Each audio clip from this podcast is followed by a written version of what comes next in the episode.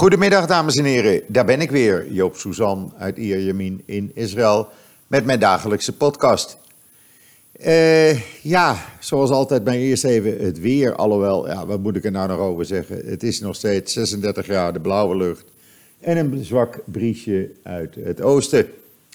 Uh, soms, want soms tegen de avond, dan komt hij weer uit het westen. Maar in ieder geval lekker weer. En trouwens, het is de laatste uh, tien dagen van de schoolvakanties hier.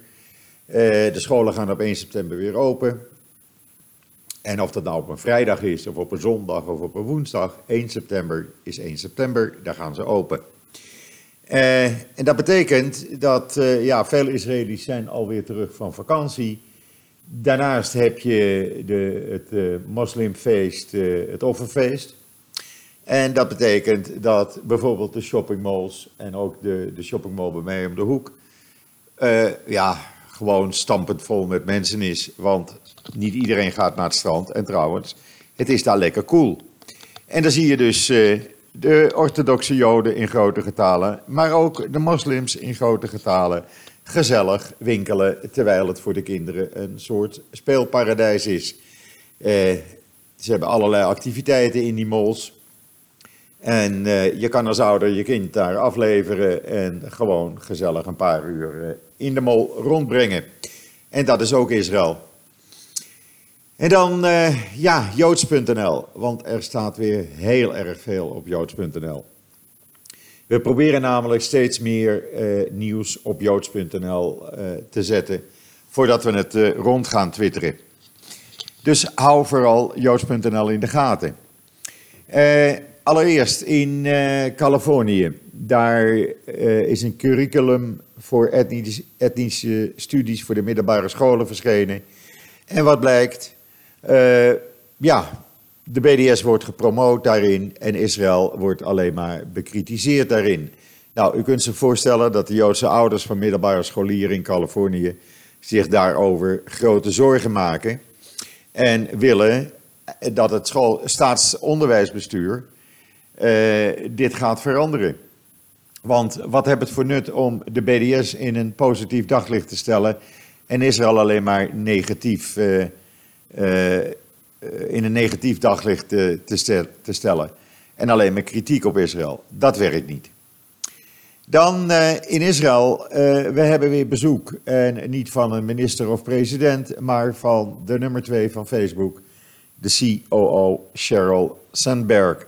Ze zegt dat ze op familiebezoek is. Nou, dan heeft ze wel een hele grote familie. Want uh, eerst is ze gisteravond uitgebreid bij president Rivlin op bezoek geweest. En die hadden het best gezellig samen. Uh, hij mocht allerlei uh, nieuwe Facebook-dingetjes uitproberen en zij deed hem dat voor. vandaag lanceert ze het Playground-programma van Facebook. En dat gebeurt in het kantoor in Tel Aviv. Uh, Facebook heeft verschillende kantoren in Israël. Heel groot kantoor in Herzliya. Maar ook wat kleinere, uh, zoals degene, het kleine kantoor op Rothschild Boulevard in het centrum van Tel Aviv. En dat Playground-programma is bedoeld voor start-ups, ontwikkelaars, communities en NGO's. En maakt de werkmethode van Facebook voor hen toegankelijk. Dat betekent dat die dus uh, ja, op een hele simpele manier geïntegreerd worden in Facebook. En dan morgen dan zal ze een openbare vergadering leiden, ook weer in Tel Aviv, met de Israëlische vestiging van Lean-In. Lean-In, dat is uh, actief in 170 landen en houdt zich bezig met de ontwikkeling van vrouwen op de arbeidsmarkt. En uh, werd eigenlijk opgericht nadat Sheryl Sandberg uh, haar bestseller lanceerde met dezelfde naam over empowerment van vrouwen.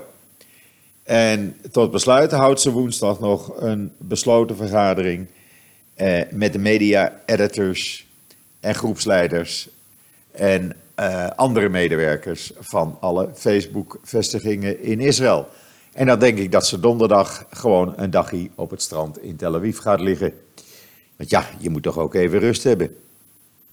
Dan op joods.nl het verhaal dat Israël een security muur langs de grens met, Israël gaat bouwen, met Gaza gaat bouwen. Dat wordt ongeveer 9 kilometer lang.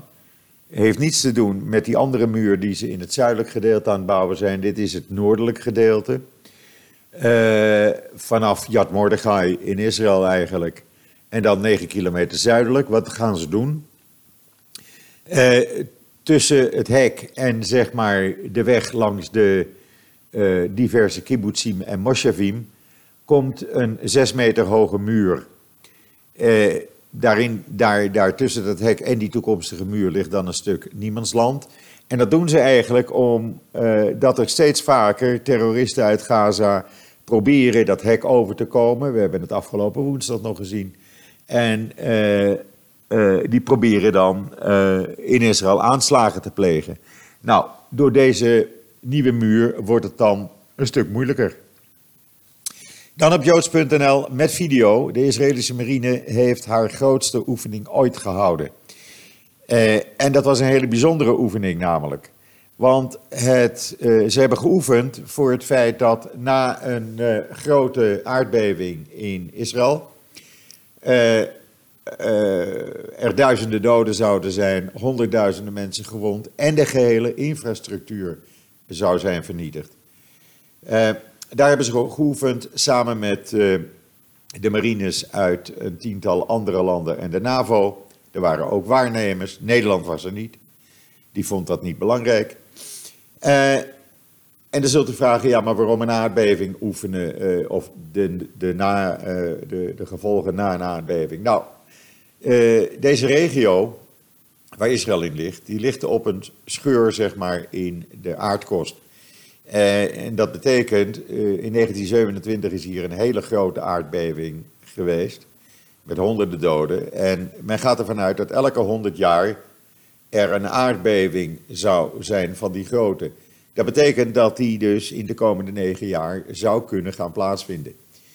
Of dat gaat gebeuren, laten we hopen van niet. Maar je kan maar beter voorbereid zijn. En vandaar dat de Israëlische marine daarop geoefend heeft. Want als de infrastructuur namelijk verdwenen is, na een aardbeving, zijn zij de aangewezen soldaten om te zorgen dat goederen het land inkomen en dat slachtoffers naar andere plekken kunnen worden vervoerd. Uh, dan op uh, joods.nl een exclusief interview met de Saoedische blogger Mohammed Saud. Die, uh, u weet, hij was een uh, aantal weken geleden in Israël.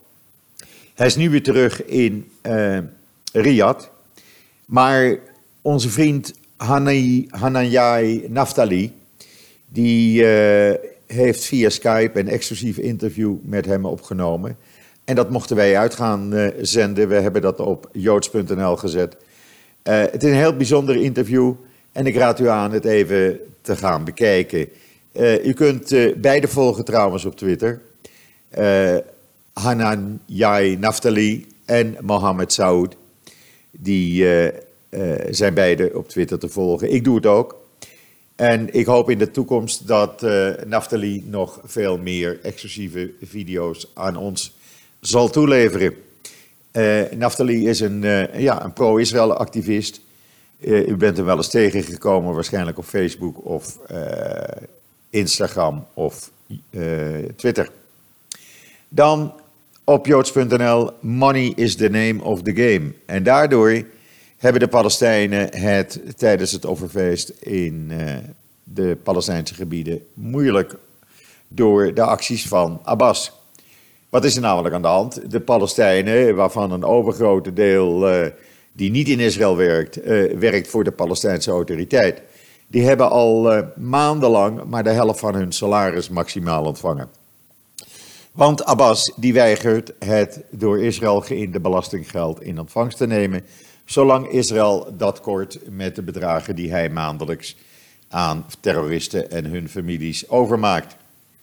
Dus er staat zo'n uh, omgerekend 800 miljoen euro in Israël te wachten op Abbas, maar hij wil dat geld niet. Ondertussen gaat de Palestijnse economie naar de knoppen, eh, want er is geen geld. En dat beetje hulpgeld, uh, ja, dat werkt dus ook niet. En mensen hebben het daardoor moeilijk, konden geen hele schapen kopen of zelfs uh, de kilo's vlees die ze nodig hadden voor het offerfeest. Hebben geen nieuwe kleren kunnen kopen. Daarnaast is er een heel groot verschil trouwens tussen Ramallah en de rest van de Palestijnse gebieden. En waarom is dat? Omdat in Ramallah, daar wonen veel uh, mensen die uh, ja, goed bevriend zijn, zeg maar, laat ik het maar netjes zeggen, met de Palestijnse leiders. En daardoor, uh, ja, laten we zeggen, profiteren van het hulpgeld uit het buitenland. Want zo werkt dat. Dan, ja, zegt de, ik heb wat, er zijn wat interviews ook in dat artikel. Bijvoorbeeld, Abdel Mala is een eigenaar van een kiosk die bij het kalenderjaar controlepunt staat, waar de meeste Palestijnse arbeiders door naar Israël gaan. En die zegt, ja, we verdienen niks. En we hebben ook niets gekocht. Ook zegt hij de prijzen, eh, ondanks dat ze lager en lager en lager worden voor het vlees. Eh, ja, mensen kopen nog steeds mondjesmaat en het is niet zoals het verleden jaar was. Een ander zegt de situatie financieel is erg moeilijk. Eh, want als je geen brood voor je kinderen kan kopen, hoe kan je dan vlees kopen?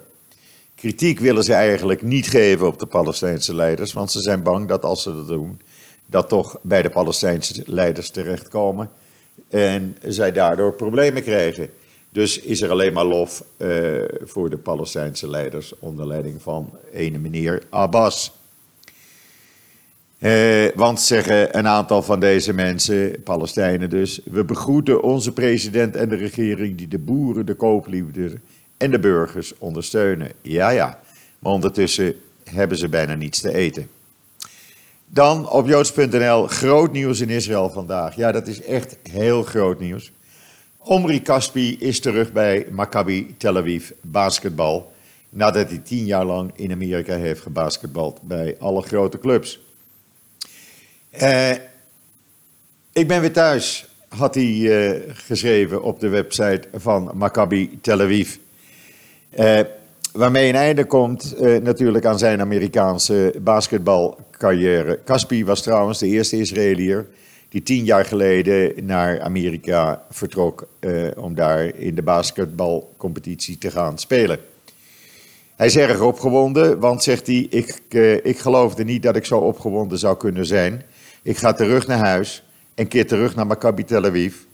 Ik kwam hier voor het eerst toen ik 13 jaar oud was en ik ben er trots op en opgewonden over om het Maccabi-shirt met de Davidster op de rug weer te kunnen dragen. Het is een groot voorrecht.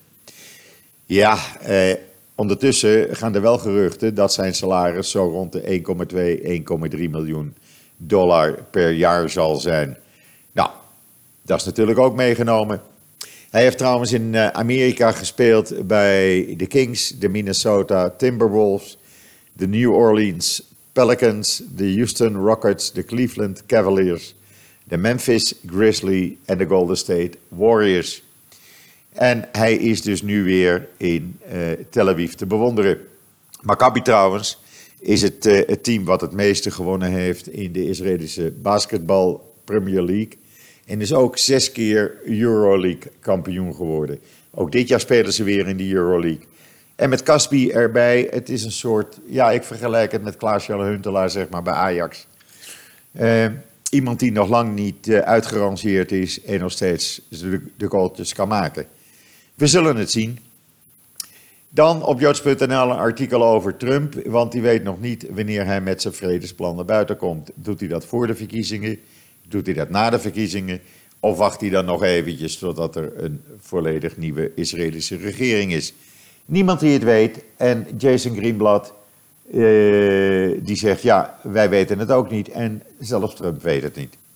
Lees het artikel en volg de link naar het interview met uh, Jason Greenblatt. Dan Israëlische servers onder de 19 jaar, die hebben goud, zilver en brons gewonnen op het jeugdwereldkampioenschap uh, surfen in Sint-Petersburg. U kunt het allemaal zien op een video en het hele verhaal gelardeerd met foto's lezen op joods.nl. Dan gisteravond uh, brachten ook wij het bericht dat er druk op uh, Netanyahu werd uitgeoefend om die interim-minister uh, een rechtse, minister van een rechtse partij, te ontslaan. Netanyahu stond onder diepe druk van uh, Likud-leden, Likud-ministers, Likud-Knesset-leden om hem nou maar eens te ontslaan nadat hij allerlei kritiek had uitgeoefend op Netanyahu. Uh, Netanyahu heeft hem gisteravond laat bij zich op kantoor geroepen en geëist uh, dat hij openbaar excuses moet aanbieden. Zo niet, dan zou hij worden ontslagen. Dus wat deed minister Smotrich gisteravond? In het openbaar, in een uh, openbare bijeenkomst, meteen na zeg maar het standje van Netanyahu, ging hij in een openbare bijeenkomst in het openbaar door het stof en bood zijn excuses aan. En daarnaast prees Netanyahu de hemel in voor wat hij allemaal doet. Het kan verkeren, zullen we maar zeggen. En dat allemaal om je baan te behouden.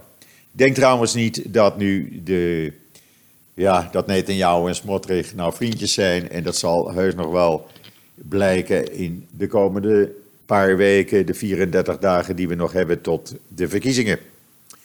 Dan 21 leden van rechtse partijen in de Knesset, die hebben een brief aan de leden van het Amerikaanse congres geschreven. Waarbij ze zeiden, eh, dank jullie wel voor de BDS-resolutie die jullie hebben aangenomen. Maar eigenlijk doe het me niet, verscheur hem. Want uh, er staat niets in over een twee-staten-oplossing. En wat ons betreft gaat deze BDS-resolutie dus alleen maar grote problemen geven. Of de Amerikanen daaraan gaan voldoen, ja, ik denk het eigenlijk niet. Dan heel triest nieuws. Zojuist is bekend geworden dat een El Al stewardess die in april mazelen had opgelopen tijdens een vlucht van New York naar Tel Aviv, eh, vanochtend is overleden aan deze mazelen. Zij was één keer ingeënt tegen mazelen in plaats van twee keer. En eh, raakte al snel na het oplopen van die mazelen in coma kreeg een hersenbeschadiging en is eigenlijk ook nooit meer uit die coma gekomen en is vanmorgen helaas overleden. Ik, eh, zover ik weet was ze 42 of 43 jaar. Heel triest, heel triest nieuws. Uh, El Al heeft wel met 1 in april alle personeelsleden in, uh, twee keer laten inenten en extra laten checken. Dan, uh, ja, antisemitisme, het blijft maar doorgaan. Het lijkt wel of het de hele wereld ermee besmet is. In uh, Melbourne, of all places, daar is een billboard met de aankondiging over een toneelstuk over Anne Frank, beklad en besmeurd met swastika's. In Brooklyn, ook niet meer veilig voor Joden, drie orthodoxe Joden gisteren binnen één uur aangevallen en in elkaar geslagen.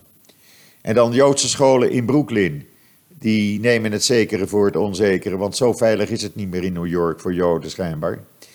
Alle scholen, alle 50 scholen, krijgen kogelvrije deuren. Ze hebben al kogelvrij glas in de ramen. Nou worden de deuren ook nog uh, kogelbestendig. Uh, de eerste scholen hebben het al en de rest van de 50 scholen krijgen dat in de komende dagen en weken. En dan in Lakewood, New Jersey. Uh, er staat een video van op mijn timeline. 150 autobanden in één nacht lek gestoken van uh, Joodse inwoners. Het is een, over, uh, over het algemeen een Joodse stad. De meerderheid zijn Joden die daar wonen. En ja, 150 autobanden lek gestoken. Het is niet te geloven. En dan in Israël, de headline vanmorgen. De Duitsers komen. Oei oei, dacht ik. Maar er blijkt, Duitse bedrijven die zoeken Amas technologie in Israël. En in plaats van nou naar Silicon Valley te gaan, gaan ze dus naar Tel Aviv en andere plaatsen in Israël. Ten eerste, het is maar vier uur vliegen. En ten tweede, uh, ja, het is allemaal sneller en de technologie hier, die is uh, net zo goed of zelfs beter dan in Silicon Valley. En wat zoeken ze dan? Nou, het zijn veel autobedrijven, eigenlijk alle autobedrijven hebben al een R&D-centrum in Israël. Maar het zijn ook bedrijven zoals Siemens, Bosch, uh, nou ja, je kan ze eigenlijk niet opnoemen. Eigenlijk elk Duits bedrijf wat wereldwijd zaken doet, die, uh, die komt in Israël technologie zoeken. Of samenwerking met Israëlische bedrijven. Het opent voor Israëlische bedrijven natuurlijk heel veel mogelijkheden. En ja, die zijn er alleen maar blij mee. Dus wat dat betreft, de headline de Duitsers komen, is, uh, is positief. En dan was er in, uh, in Canada, de Edmonton Journal, in de stad Edmonton, die uh, doet wat andere kranten ook vaak doen. Eerst ga je een antisemitisch cartoon plaatsen, dan wacht je een dag. Je weet dat er kritiek komt en dan ga je de volgende dag excuses aanbieden. En ondertussen zweeft die cartoon lekker over het internet. Zo werkt het schijnbaar tegenwoordig bij de meesten. En ik kan maar niet begrijpen waarom dat weer zo'n uh, zo'n hoge vlucht neemt, dat antisemitisme. Is het jaloersheid? Uh, kinderzinnen zou in Amsterdam zeggen. Ik weet het niet. Het is heel raar, het komt weer op. En ik zeg wel eens tegen mensen, als je in Israël woont of buiten Nederland woont, dan kijk je naar Nederland in een bird's view. Omdat je er niet in zit en je kijkt erop. En als je dan al die berichten bij elkaar leest over antisemitisme, ook in Nederland, dan, uh, ja, dan mag iedereen zich daar ernstig zorgen over maken. Uh, dat is toch een groot probleem. Want hoe hou je dat in toom? Er zijn nu hele generaties jongeren die gewoon op gaan groeien met antisemitisme. Met dat het weer het idee van, nou, het mag meer, wacht weer, we mogen weer Joodjes uh, uh, pesten en we mogen ze weer in de maling nemen en zelfs in elkaar slaan. Want kijk, de politie doet er toch niks aan. Nee, het heeft ook geen prioriteit. En waarom heeft het geen prioriteit? Ja, dat zou ik nou wel eens willen weten van de politie of van de landelijke en gemeentelijke politici die altijd hun mond vol hebben van wij staan achter Joden en geen antisemitisme. En daar blijft het dan bij. Want ja, meer doe je toch niet? Want stel je voor dat je anderen tegen je in het harnas jaagt. Dan kan je maar beter die kleine Joodse gemeenschap niet uh, de bescherming geven die ze nodig hebben. Uh, want andere gemeenschappen zijn veel belangrijker schijnbaar voor je. En zo werkt het in Nederland en zo werkt het in Amerika en zo werkt het overal behalve in Israël. Want hier worden de moslims net zo goed beschermd door uh, de Israëlische veiligheidsdiensten als dat de Joodse inwoners van Israël beschermd worden. Goed, ik wou dat toch even kwijt. Dan mag ik vanavond ook weer, uh, ik had uh, gisteravond ook die klus, vanavond mag ik verder gaan bij een van de kinderen om nog wat lampjes op te hangen en te helpen met het uitpakken van de verhuisdozen. Die zijn naar Ranana verhuisd. Ik heb gisteravond dat appartementje gezien. Nou, hartstikke leuk. Vijf kamers, leuk balkon. Lekker op het oosten, dus geen zon. Rustige straat. Nou, helemaal prima voor de jongelui. De kinderen kunnen daar naar scholen in de buurt. En beter dan in Tel Aviv. En ze zijn ook erg blij dat ze naar Ranana zijn verhuisd. Dus vanavond mag je ook weer aan de klus. Een paar uurtjes. Ik doe dat tussen vijf en acht. En dan, uh, ja, morgen weer hetzelfde waarschijnlijk. Dus zo blijf je bezig. En ik ben blij de kinderen te kunnen helpen. Goed, dat was het dan weer wat mij betreft voor deze dag. Rest mij u nog een hele fijne voortzetting van deze dinsdag, de 13e augustus, toe te wensen.